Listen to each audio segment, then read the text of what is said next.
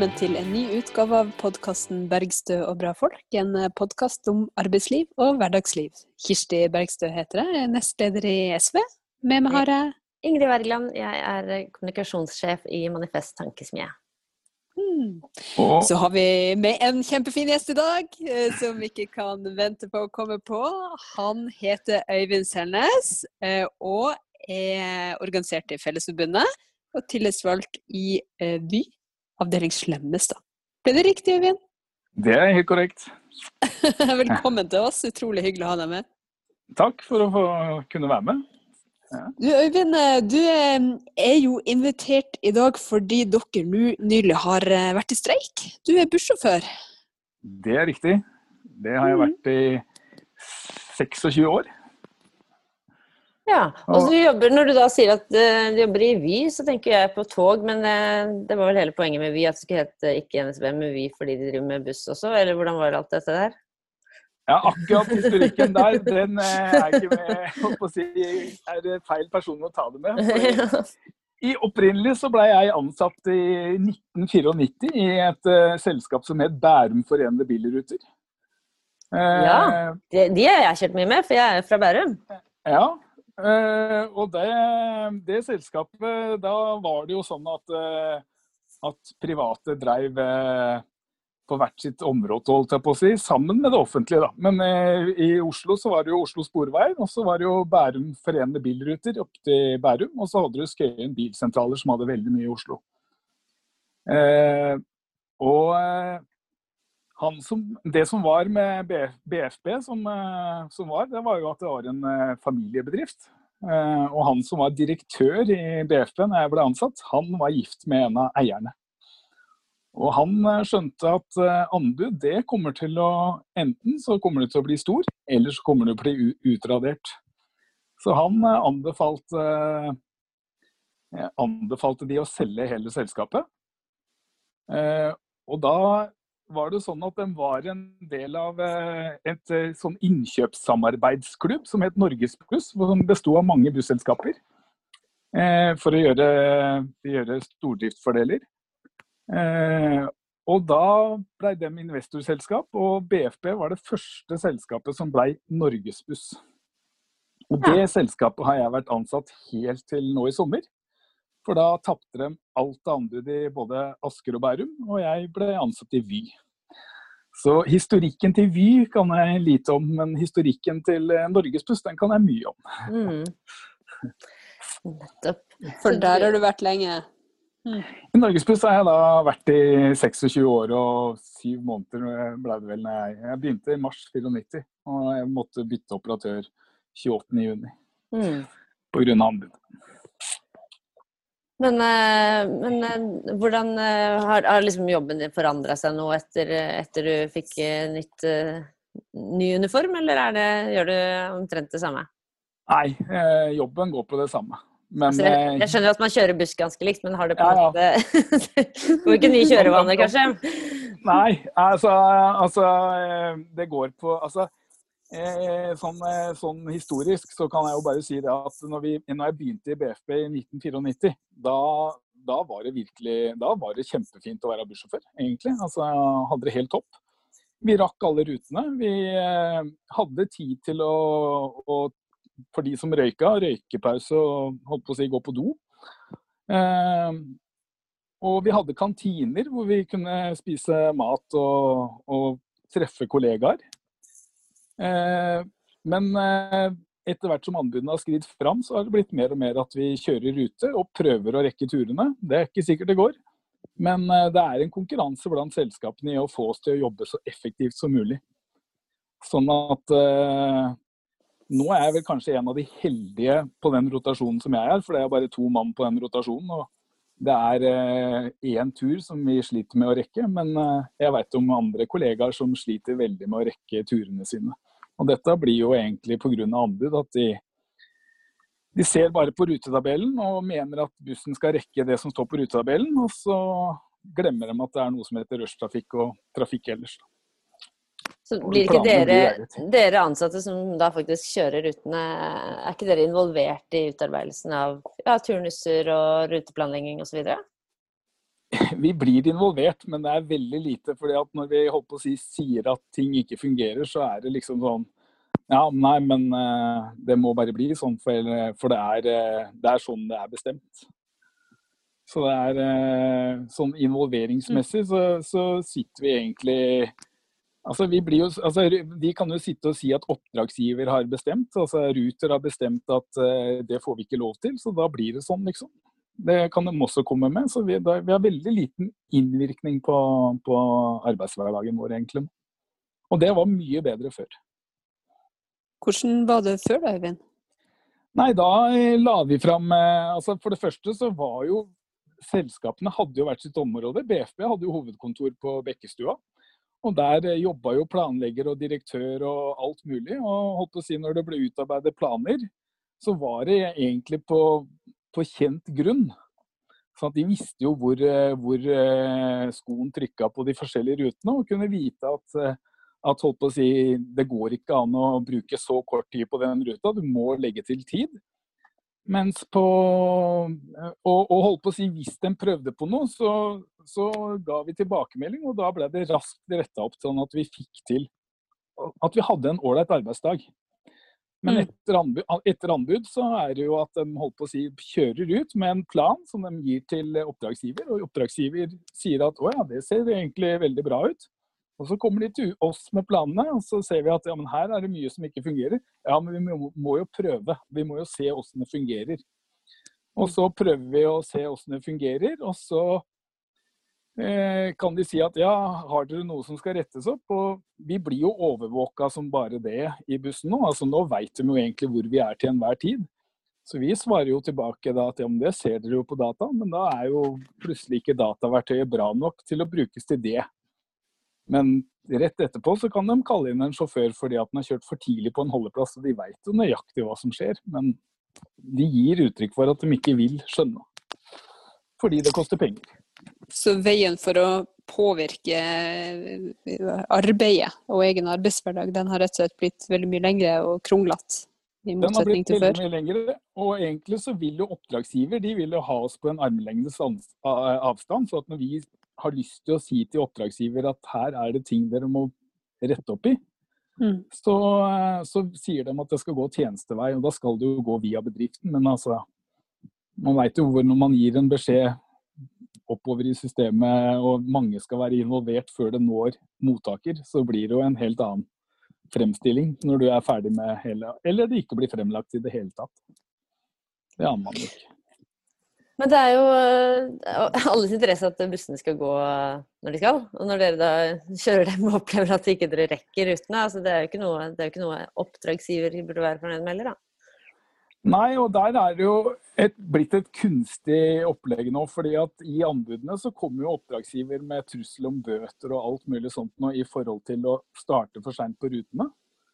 Mm. Eh, noe som egentlig er jo med bare på å stresse opp sjåførene enda mer. I at, med at ofte så veit vi at det blir vanskeligheter med å rekke neste tur. Eh, og når vi da gir beskjed om at ja, men ja, f.eks. i en plan at ja, men eh, vi rekker jo ikke å dra dit og sånn, så kan vi plutselig en annen gang ja, men det sier oppdragsgiver er OK, for det vil koste for mye å sette inn en annen buss der. Så at vi sjåfører vi veit jo egentlig ikke hva som er OK og hva som ikke er OK egentlig når det gjelder disse, eh, det å komme for seint fra start til startholdeplass. For noen steder så, så aksepterer oppdragsgiver at vi starter for seint, og andre steder eh, aksepterer dem ikke. Men utad så gir de uttrykk for at de ikke aksepterer at vi starter for seint. Det der, er jo, eh, det der viser jo hvor galt det går når man tar avgjørelser eh, uten å involvere dem som faktisk kjenner ruta og som vet hva som tar tid. Jeg skulle ta en buss i, i Finnmark, eh, og så var jeg på det liksom andre holdeplassen etter, etter, start. Og den første det var sykehuset. Og alle som kjører buss, og som av og til må ta med pasienter. De vet jo at der har du jo folk med dårlig hofte, som tar tid inn og tid ut og det ene med det andre. Og ganske mange også i, i forhold til eh, andre holdeplasser. Da.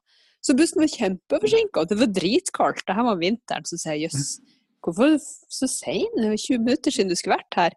Så sier han nei, det har kommet sånne nye rutetabeller. Eh, så sier han Og de er kjempefine. Det er bare det at de ikke har tatt høyde for at det skal være noen jævla passasjerer med. Eh, så da viser det seg at noen har liksom sittet og, og laga sånne her ruter da, uten å snakke med sjåførene og hva som tar tid, og, og hvor det er Eh, eh, litt ekstra utfordringer. Eh, og da gjør jo eh, det at man kommer helt eh, skjevt ut fra, fra, starten av. Og det er jo sånn som, sånn som det går da når man driver og opererer på tegnebrettet istedenfor å snakke med dem som sitter bak rattet. Ja, altså det, jeg, det er inntrykk av at det er veldig mye snakk om eh, altså Det er mye, mye penger involvert, holdt jeg på å si. Eller, altså, de er livredde for at det skal koste for mye penger.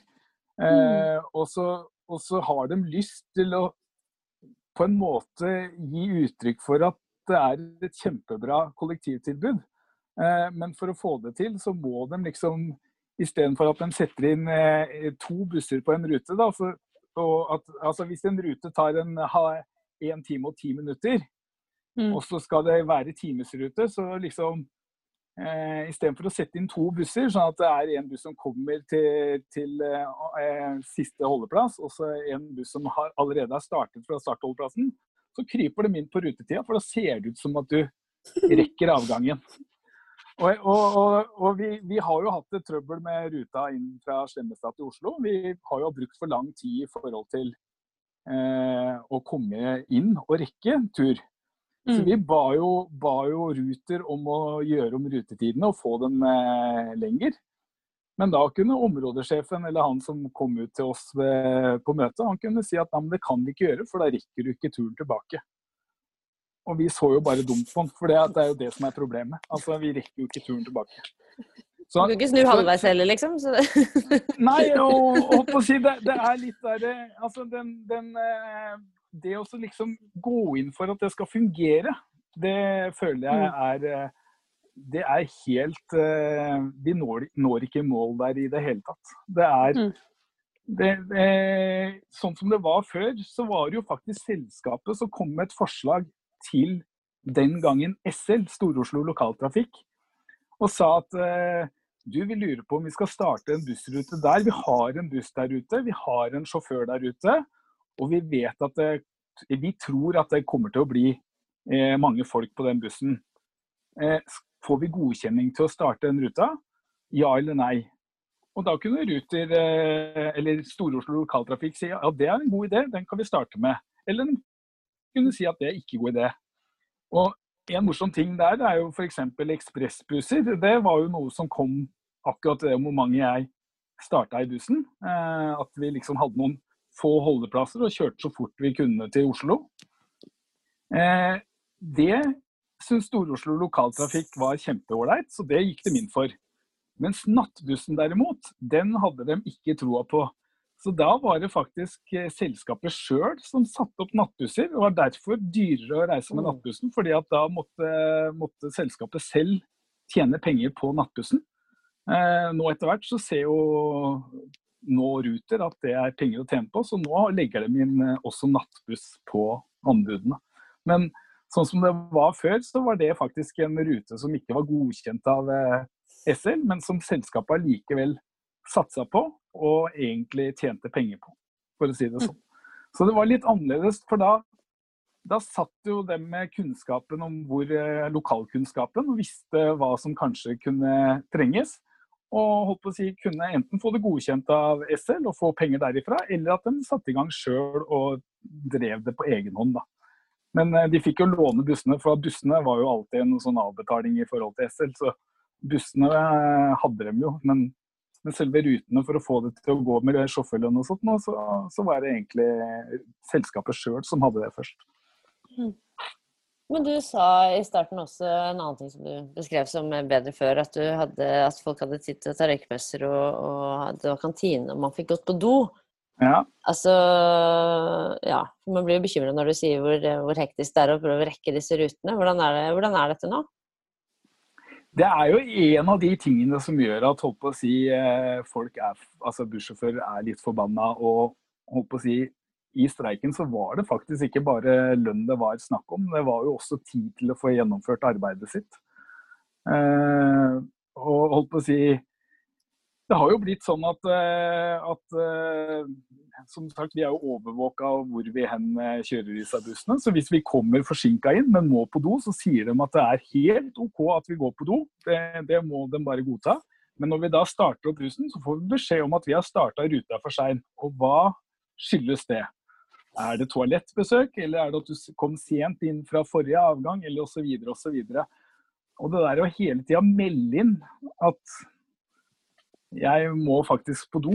Det er ikke Altså, det, det, sitter langt inne. Altså, man ønsker egentlig å gjøre jobben best mulig overfor passasjerene.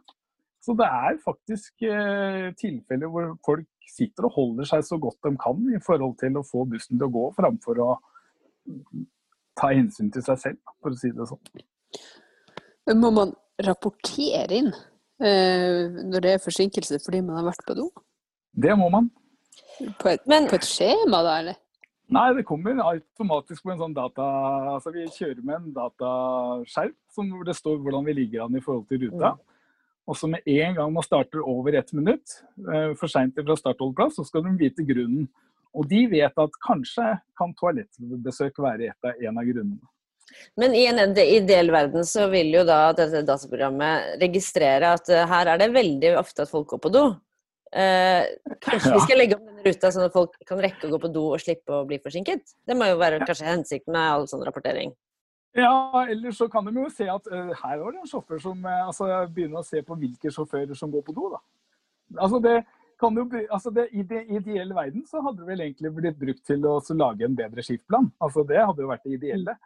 Men uh, jeg tror nærmest at, at, det, at de tar heller sjåføren, holdt jeg på å si, hvis det er noen som det, det, det, er jo egentlig litt Det var jo en sjåfør som, eh, som jeg har hørt om, via en eh, annen person, som fikk, eh, fikk, ble kalt inn fordi han hadde starta for seint på ruta og sa at han måtte på do. Eh, og han følte seg så nedverga at holdt på å si, neste gang så, så holdt på å si, da, da måtte han finne en annen løsning, og den var ikke god i det hele tatt. For da tissa han litt på seg isteden. For han, det er liksom jeg veit ikke hva det Altså, jeg er så veldig glad for at jeg begynte i bussen når jeg begynte. Fordi at, eh, at jeg er såpass selvsikker på meg selv, og jeg er, å si, har vært, eh, vært, med i fagbevegelsen såpass lenge at jeg veit hva som er eh, riktig og galt. Så, så meg blir nok aldri kalt inn på noe møte med det første. Men eh, folk som er usikre, den eh, tør jo ikke å komme med sånne problemer. Mm. Nå er jo arbeidsløsheten høy, og det er mange om beinet eh, for ja. å få, få, jobb. Eh, og Da er det jo lettere å, å bli presset eller finne seg i, eller, eller være redd for å, for å gi beskjed. Får du, får du, som tillitsvalgt en del sånne Hvilken type tilbakemeldinger får du, Øyvind, i forhold til, til, til hvordan folk har det på jobb? Fordi de aller fleste vil jo tenke at det å gå på do, det å få seg en matbit, det å få, eh, få seg en liten pause, det er liksom sånn som man tenker at, at folk skal ha det i arbeidsdagen sin. Ja, altså, Tilbakemeldingene har jo vært uh, innimellom uh, at, uh, at altså, vi, vi, får jo tilbakemelding på ting som ikke fungerer. Og så er det liksom Det tar veldig lang tid å få det til å fungere. Eh, og det som også er litt interessant når man nevner det med pause, er jo at vi blir jo motarbeida litt av eh, rettsvesenet òg, faktisk. Fordi at eh, vi hadde jo en tvist gående om at, at de alltid kom for seint til en pause og ville ha, ha pausa si. Altså, hva skjer når man alltid er ti minutter til pausa? Kan man kreve en ny pause, eller hva? Hvordan skal vi forholde oss til det? Mm. Eh, for det at sånn som det har vært, så har man jo når man blir ti minutter, så skriver man jo selvfølgelig overtid. fordi at man får jo ikke avholdt en full pause, så da skriver man overtid for den pausen. Men det som man ønsker, er jo en pause. Eh, og, eh, og si, Det har jo vært helt oppe i retten, men retten har jo nå godkjent at så lenge vi får overtid for å jobbe i pausen, så er det greit. Da er det ikke helsefarlig lenger å ikke få pause i løpet av arbeidsdagen? Nei, da mm. er det å si, vi som kjører under fem mil, vi sliter jo veldig. fordi eh, der er det ikke kjøre- og hviletid som gjelder heller. Så da kan vi jo mm. kjøre veldig lenge før det skjer noe Så, så vi, i fagbevegelsen nå har jo hatt saker helt opp til eh, topps i rettsvesenet, men tapt. Og skjønner jo ikke vi skal, hvordan vi skal komme oss videre. Mm. Men nettopp arbeidstid er jo en eh, stor diskusjon i, i deres eh, bransje. Eh, fordi der vil jeg jo tro at du også opplevde en del endring i løpet av de åra du har kjørt, kjørt, buss. Der mange har mindre gunstige og mindre sammenhengende dager enn før. Hvordan har utviklinga vært der? Nei, altså der er det Og det er helt riktig som du sier. Før så vi, hadde vi egentlig ganske jevn fordeling med, med eh, noe kveldsskift, noe dagskift, noe midtskift. Eh, og så hadde vi også reine dagkjøring. Eh, og holdt på å si, Vi hadde litt av hvert å velge mellom da, i forhold til eh, ansiennitet og altså den som har lengst ansiennitet, kunne jo da velge fra øverste hylle, og så går det jo nedover.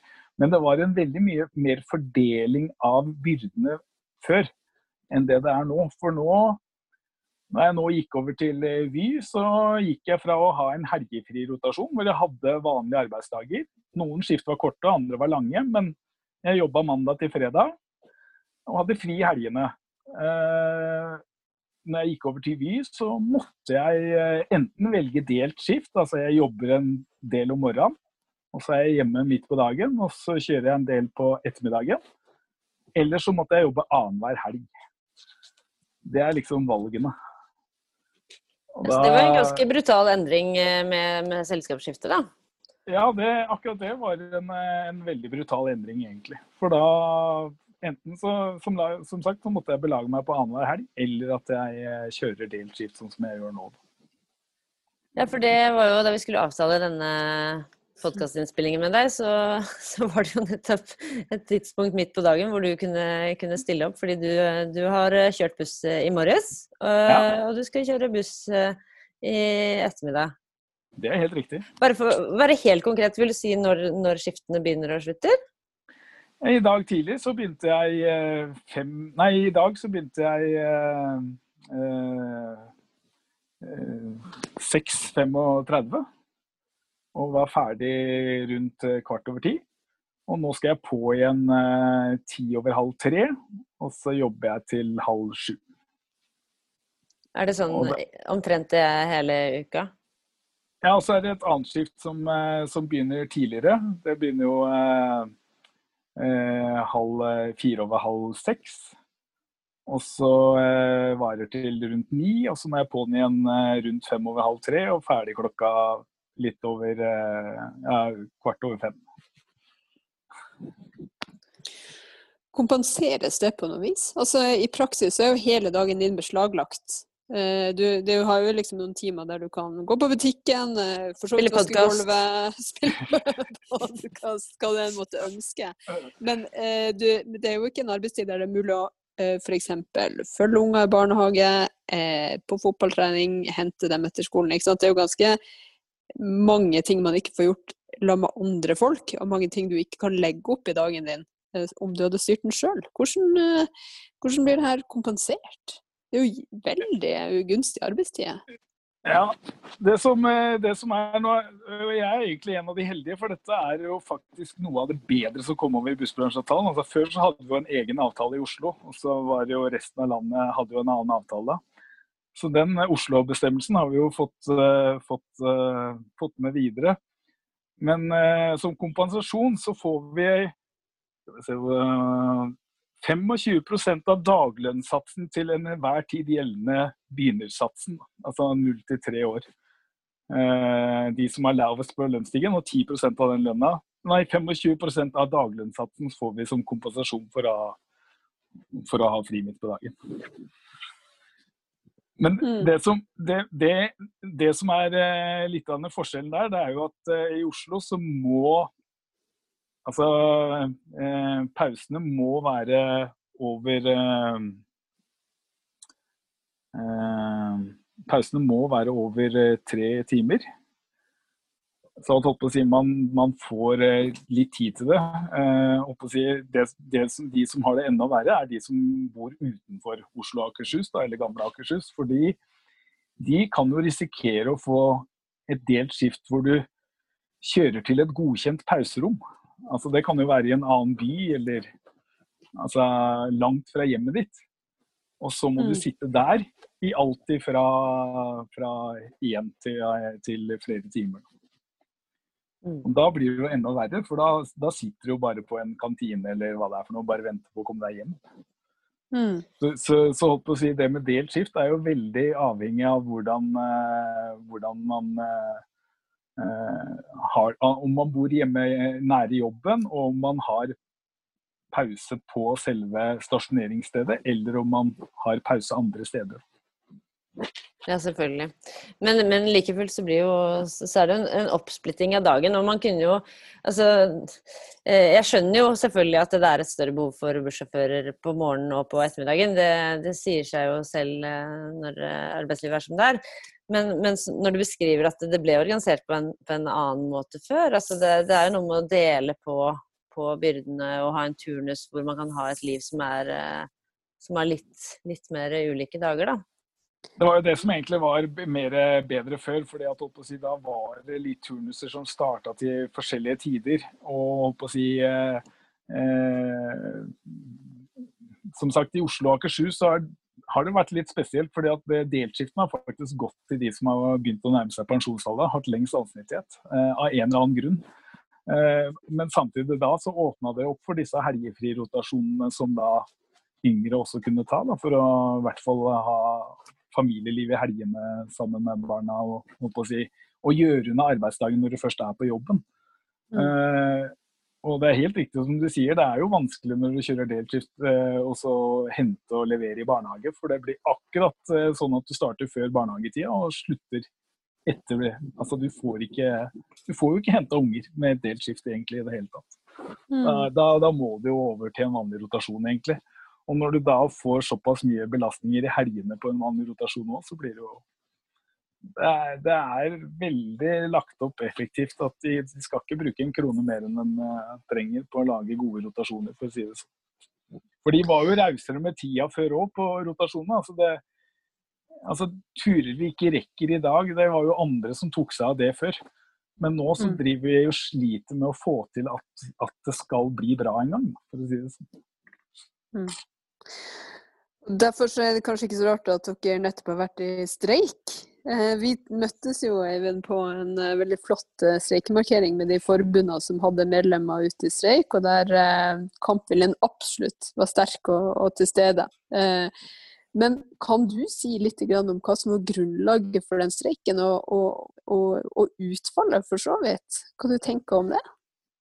Nei, altså, det som, det som er bakgrunnen for streiken, er at når bussbransjeavtalen kom eh, Egentlig så har jeg lyst til å trekke litt lengre. Egentlig så har Jeg lyst til å begynne Jeg begynte som bussjåfør i 94. I 1998 var den første streiken jeg var med på som bussjåfør. Eh, den gangen så var det 17 kroner som skilte mellom eh, industriarbeideren og bussjåførene. Samtidig så hadde vi to avtaler. Vi hadde en avtale med Nå Spekter, og så hadde vi en annen avtale med NHO. Eh, og kommunen eh, var vel også i samme avtale som denne eh, Spekter-avtalen. Vi hadde i hvert fall vi hadde to avtaler før. De avtalene var jo ikke like. Og når anbud kom, så så vi jo at det beste er jo å ha én avtale, så man ikke kan spille sjåførene opp mot hverandre. Derfor så lagde man bussbransjeavtalen. Og et av målene i bussbransjeavtalen, det var for det første å lage gode tekniske bestemmelser i bånn. Og så skulle man opp på lønn med gjennomsnittlig industriarbeider. I 2007 så kom jo den bussbransjeavtalen ble ferdig til 2008, eh, da, som den ble godkjent. Eh, og da heva de lønna betraktelig, men de glemte, eller tok ikke med seg sånne ting som uttakstid og, og eh, tid til personlig behov. Den ble egentlig satt litt til side i avtalen. Altså, det var noe som de holdt på å si strøk litt bort. Hva er uttakstid for noe? Uttakstid er tid til sikkerhetssjekk. Ja, nettopp. Ja, det, ja. det er om. Mm. Personlig behov, det er type gå på ja, do? Det, det, ja. Spise mat. Jeg vil ikke ha folk på veien med lavt blodsukker og Ah, ikke så bra. Og det som er at Man regner jo med at det, det, det greier dem å holde på å si altså, det, det tenker de òg. Altså, man kan jo ikke, ikke, gjøre oss så effektive. Men etter hvert som anbudene har skridd fram, så har jo da disse tingene blitt et problem. De eh, skorter ned på uttakstider. Eh, de gjør det jo veldig effektivt. Og i tillegg så har jo da eh, målet om industriarbeiderlønn, den har jo da også ikke helt kommet i mål. Så det er ganske morsomt at uh, den 20-kroningen som uh, ble, noen har gått ut med, altså de lurte på om det var 20 kroner vi krevde. Nei, det var ikke det vi krevde. Men de 20-kroningene er jo da det som skiller en industriarbeider i dag og bussjåføren. Og da når du tenker at den har 17 kroner i 1998 med en bedre avtale i bånn, mm. så har jo da forskjellen økt. Og vi har en dårligere avtale i dag enn det vi hadde i 1998. Og da, da, blir det, da blir det, Altså da, da, er nok nok, egentlig. Mm. Og Derfor frykter dere for rekrutteringa til yrket og eh, for arbeidsforholdene i, i, blant, blant sjåførene i dag?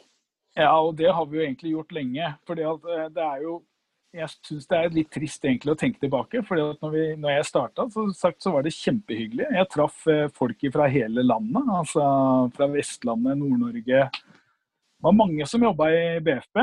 Eh, og vi hadde alle aldersklasser representert. Jeg begynte jo som 22-åring, men jeg var jo av en gjeng blant de yngre. Eh, sånn 22 til 30. Altså vi hadde i alle aldersklasser hadde vi bussjåfører. Men eh, etter at anbud ble innført, så var det veldig mange som forlot yrket av, eh, av gamle kollegaer. De gikk til andre yrker som holdt å si var mer stabilitet på. Eh, og det som skjedde da, er jo at man har rekruttert de fra utlandet. Eh, og den utenlandske rekrutteringa har du jo bare fortsatt med og fortsatt med. Og det vi egentlig ser litt med, med, gru på, er jo at holdt på å si eh, Istedenfor å lage det så attraktivt at norsk ungdom søker seg inn i yrket. Og holdt på å si altså Når du bor i Norge, og også at busselskapene gir dem erfaring til å bli bussjåfør, så tar man heller erfarne sjåfører fra utlandet. For det koster dem veldig lite å lære opp. Det er om å gjøre å få folkene fortest mulig ut. Det er det det koster, altså det koster minst. da. Og, jeg, og, det blir så rart å tenke på når jeg begynte i bussen i 94, så fikk jeg kjempegod opplæring. Og BFB var jo et av de selskapene som egentlig lå veldig langt fremme når det gjelder miljøvern. For det, for det første så skulle vi kjøre mykt og ikke bruke så mye diesel. For det andre så skulle vi ikke ha noe tungangskjøring eh, på sentrale plasser, sånn som Bekkestua, Sandvika eller flere steder. Skulle, eh, så sto vi mer enn ett minutt, så skulle vi av med motoren. Og det var egentlig en veldig kutyme, god kollegial kutyme blant folk at hvis det var noen som glemte, så gikk vi bare bort. 'Nå har du glemt noe.' Og så 'Å ja, stemmer det.' Og så skrudde man av motoren, og så var man Altså, det, det var så gjennomført. Eh, men etter hvert som de, altså, man skal ha bussjåfører fortest mulig i trafikk, så har det blitt mindre fokus på sånne ting. Og så er det bare om å gjøre å få dem kjent og ut i trafikken.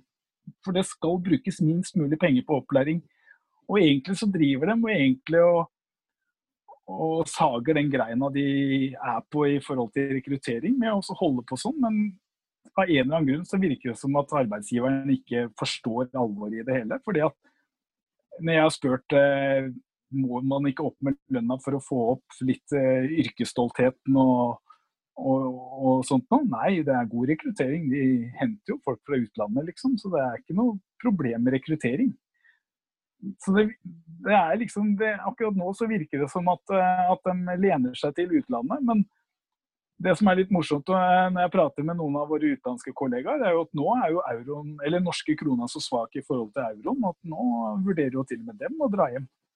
Fordi at eh, de, de tjener ikke så godt som de gjorde når de begynte her. De, og de har jo gjerne hus i Polen eller Bulgaria eller hvor det kommer fra. Og så har de en eller annen hybel her i Norge. Og det koster ganske mye penger. Så, så på å si Vi frykter at eh, hvis de ikke gjør noe med, med både altså, lønna og hele tatt at de holdt på å si, øker statusen i yrket i forhold til at vi får litt innvirkning på arbeidsdagen vår og kan ha et bedre samarbeid, så, så er det vanskelig å se hvordan det kommer til å gå. egentlig. Og de veit jo egentlig om det blant arbeidsgiverne. For de har jo utlevert en rapport i 2016 hvor det står at de trenger inntil 1000 sjåfører årlig for å greie 2030 mm. og ha nok sjåfører til de bussene. Det blir ikke sånne førerløse busser, altså? Det er mange som tror at det kommer til å bli fremtiden. Jeg er veldig usikker. Eh, hvem skal legge på kjettingen på vinteren? Det har jeg lurt litt på. Det, det er en app. Det er en app, ja. Det er, og, og, en annen ting som også med førerløse busser, de har jo ikke lenger eh, en å spørre uh, om hjelp eller uh, sånne ting. Altså, De vet jo ingenting. De vil jo bare være sensorer som, som lever sitt eget liv. så jeg, og jeg, altså jeg, jeg, tror det blir langt til at vi altså, Da må vi ha førerløse biler òg. Altså samarbeid med hva skjer hvis en, en, bil med fører krasjer med en førerløs buss? Hvem er det som skal skrive skademelding? Mm. Eller ta vare på passasjerene. Eller ta vare på passasjerene. Mm. Eller hvis det skjer noe på bussen. Ja. Du må eh, bare si noe kort om utfallet av streiken. Eh, fordi dere streika en stund, eh, og ja. var flere forbund sammen om det. Ja. Kampviljen var stor. Hva ble resultatet? Resultatet ble at vi fikk eh, to kroner fra 1.4. Og så får vi 3,50 fra 1.10. Eh, de som har fagbrev, de får 4,50. Og i neste lønnsoppgjør så får vi 2,50 til. I tillegg til det som er i mellomoppgjøret. Det er lønnsmessig. Og på det tekniske så skal det settes ned et utvalg. Mm. Da håper vi eh, sånne som deg får plass eh, i det. Eh, de som vet at det har vært bedre tider før, og at det ikke trenger å være utvikling som går på bekostning av faglighet av sjåfører og av gode tjenester i bussene. Men Øyvind, vi har en fast spørsmål til våre gjester i podkasten. Og det er ikke Jeg må bare si Ja, unnskyld. Snakk i vei. Jeg må bare si en ting. altså Utfallet på streiken er jo litt, eh, litt, eh, For nå er jo ikke den helt avgjort heller, da, om eh, vi er fornøyd med dette her. Det skal jo sendes ut uravstemning. Eh, og da er det jo å si at alle LO-forbundene har faktisk et flertall for at de ikke syns at dette er noe særlig bra, det som har kommet på bord. Men eh, de forhandler jo også sammen med YS, og da med de YS-stemmene og, og ja-stemmen i LO, så ble det flertall. Mm. Så det er eh, veldig spennende hva som skjer eh, 22.10, eller 23.10.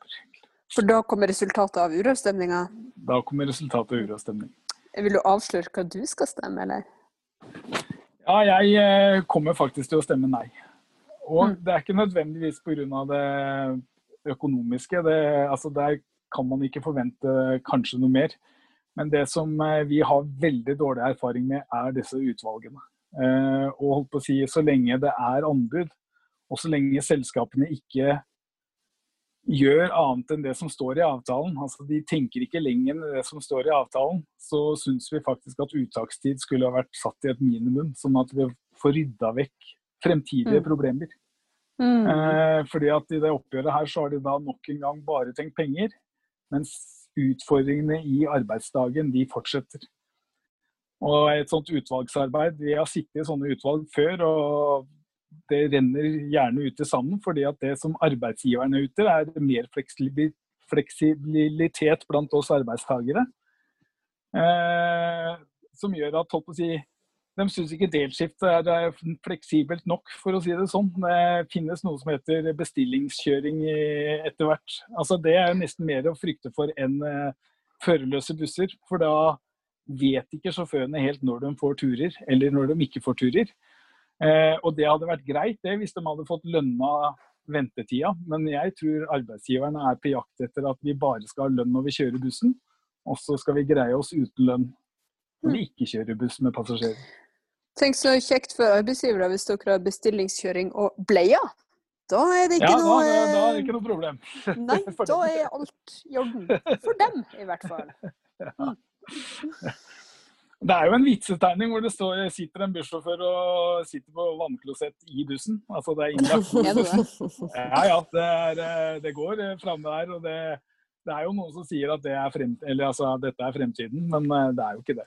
det er jo, Nei, men dette er Det er sånn man Dette er jo som vi får beskrevet fra, fra Amazon-lageret også, ikke sant. At folk ja.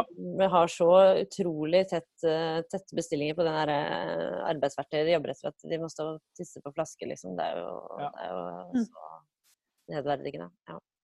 og det er den utviklinga jeg egentlig ser blir mer og mer vanlig blant noen yrker i Norge òg. Mm. Nei, så konklusjonen er å avskaffe anbudsregimet, da. Ja, det hadde gjort veldig mye. For da hadde man egentlig Altså, det å gå litt tilbake og på å si, la selskapene få den erfaringa i området som trengs for å gi kundene best mulig Kunden og sjåførene, for den saks skyld, best mulig dag. Så, Mm. så hadde det Fordi det var sånn det var før. At, at de hadde ansvaret for hvert sitt område. Kunne komme med forslag på ruter. Dette går vi for, dette går vi ikke for. Og så, så blei rutetilbudet deretter. Mm.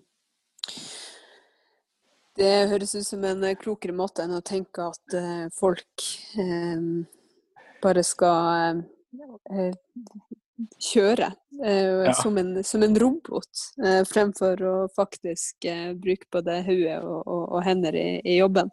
Ja. For da blir, jo, da blir jo tjenestene mye bedre hvis de som eh, sørger for at de blir utført, også får være med på å eh, utforme dem. Eh, Men du Øyvind, vi har et eh, fast eh, spørsmål i denne podkasten. Ja. Mm? Det er hva var din første jobb? Og nå er jo du, når du sier at du kjørte buss fra du var 22, så ja, du rakk jo bare så vidt å jobbe litt for, med noe annet før det, da. ja, det er helt riktig. Men jeg begynte som 13-åring som avisbud. Eh, og det ble jeg også kasta inn i, holdt jeg på å si. Altså, litt morsomt, for jeg søkte jobb som avisbud.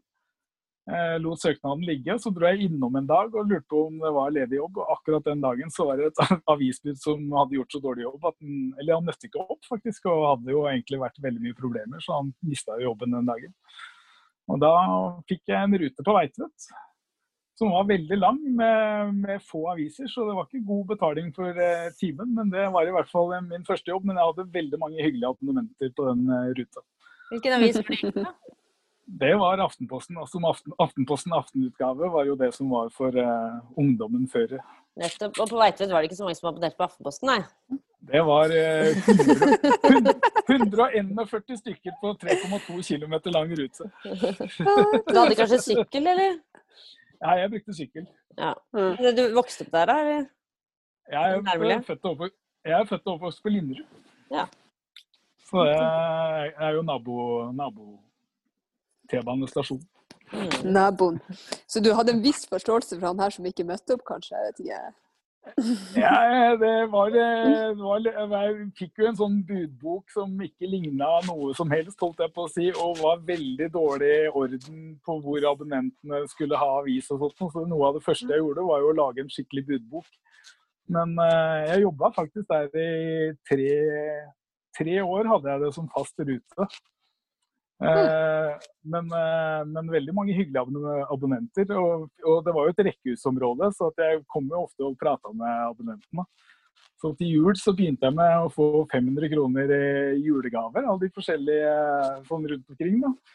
Og året etter så hadde jeg oppi 1000 kroner, og siste året jeg gikk der, så hadde jeg jo 1500 kroner og konfekt og masse som jeg fikk av abonnentene der til jul. Så det var jo veldig hyggelige abonnenter der, så de var jo kjempehappy.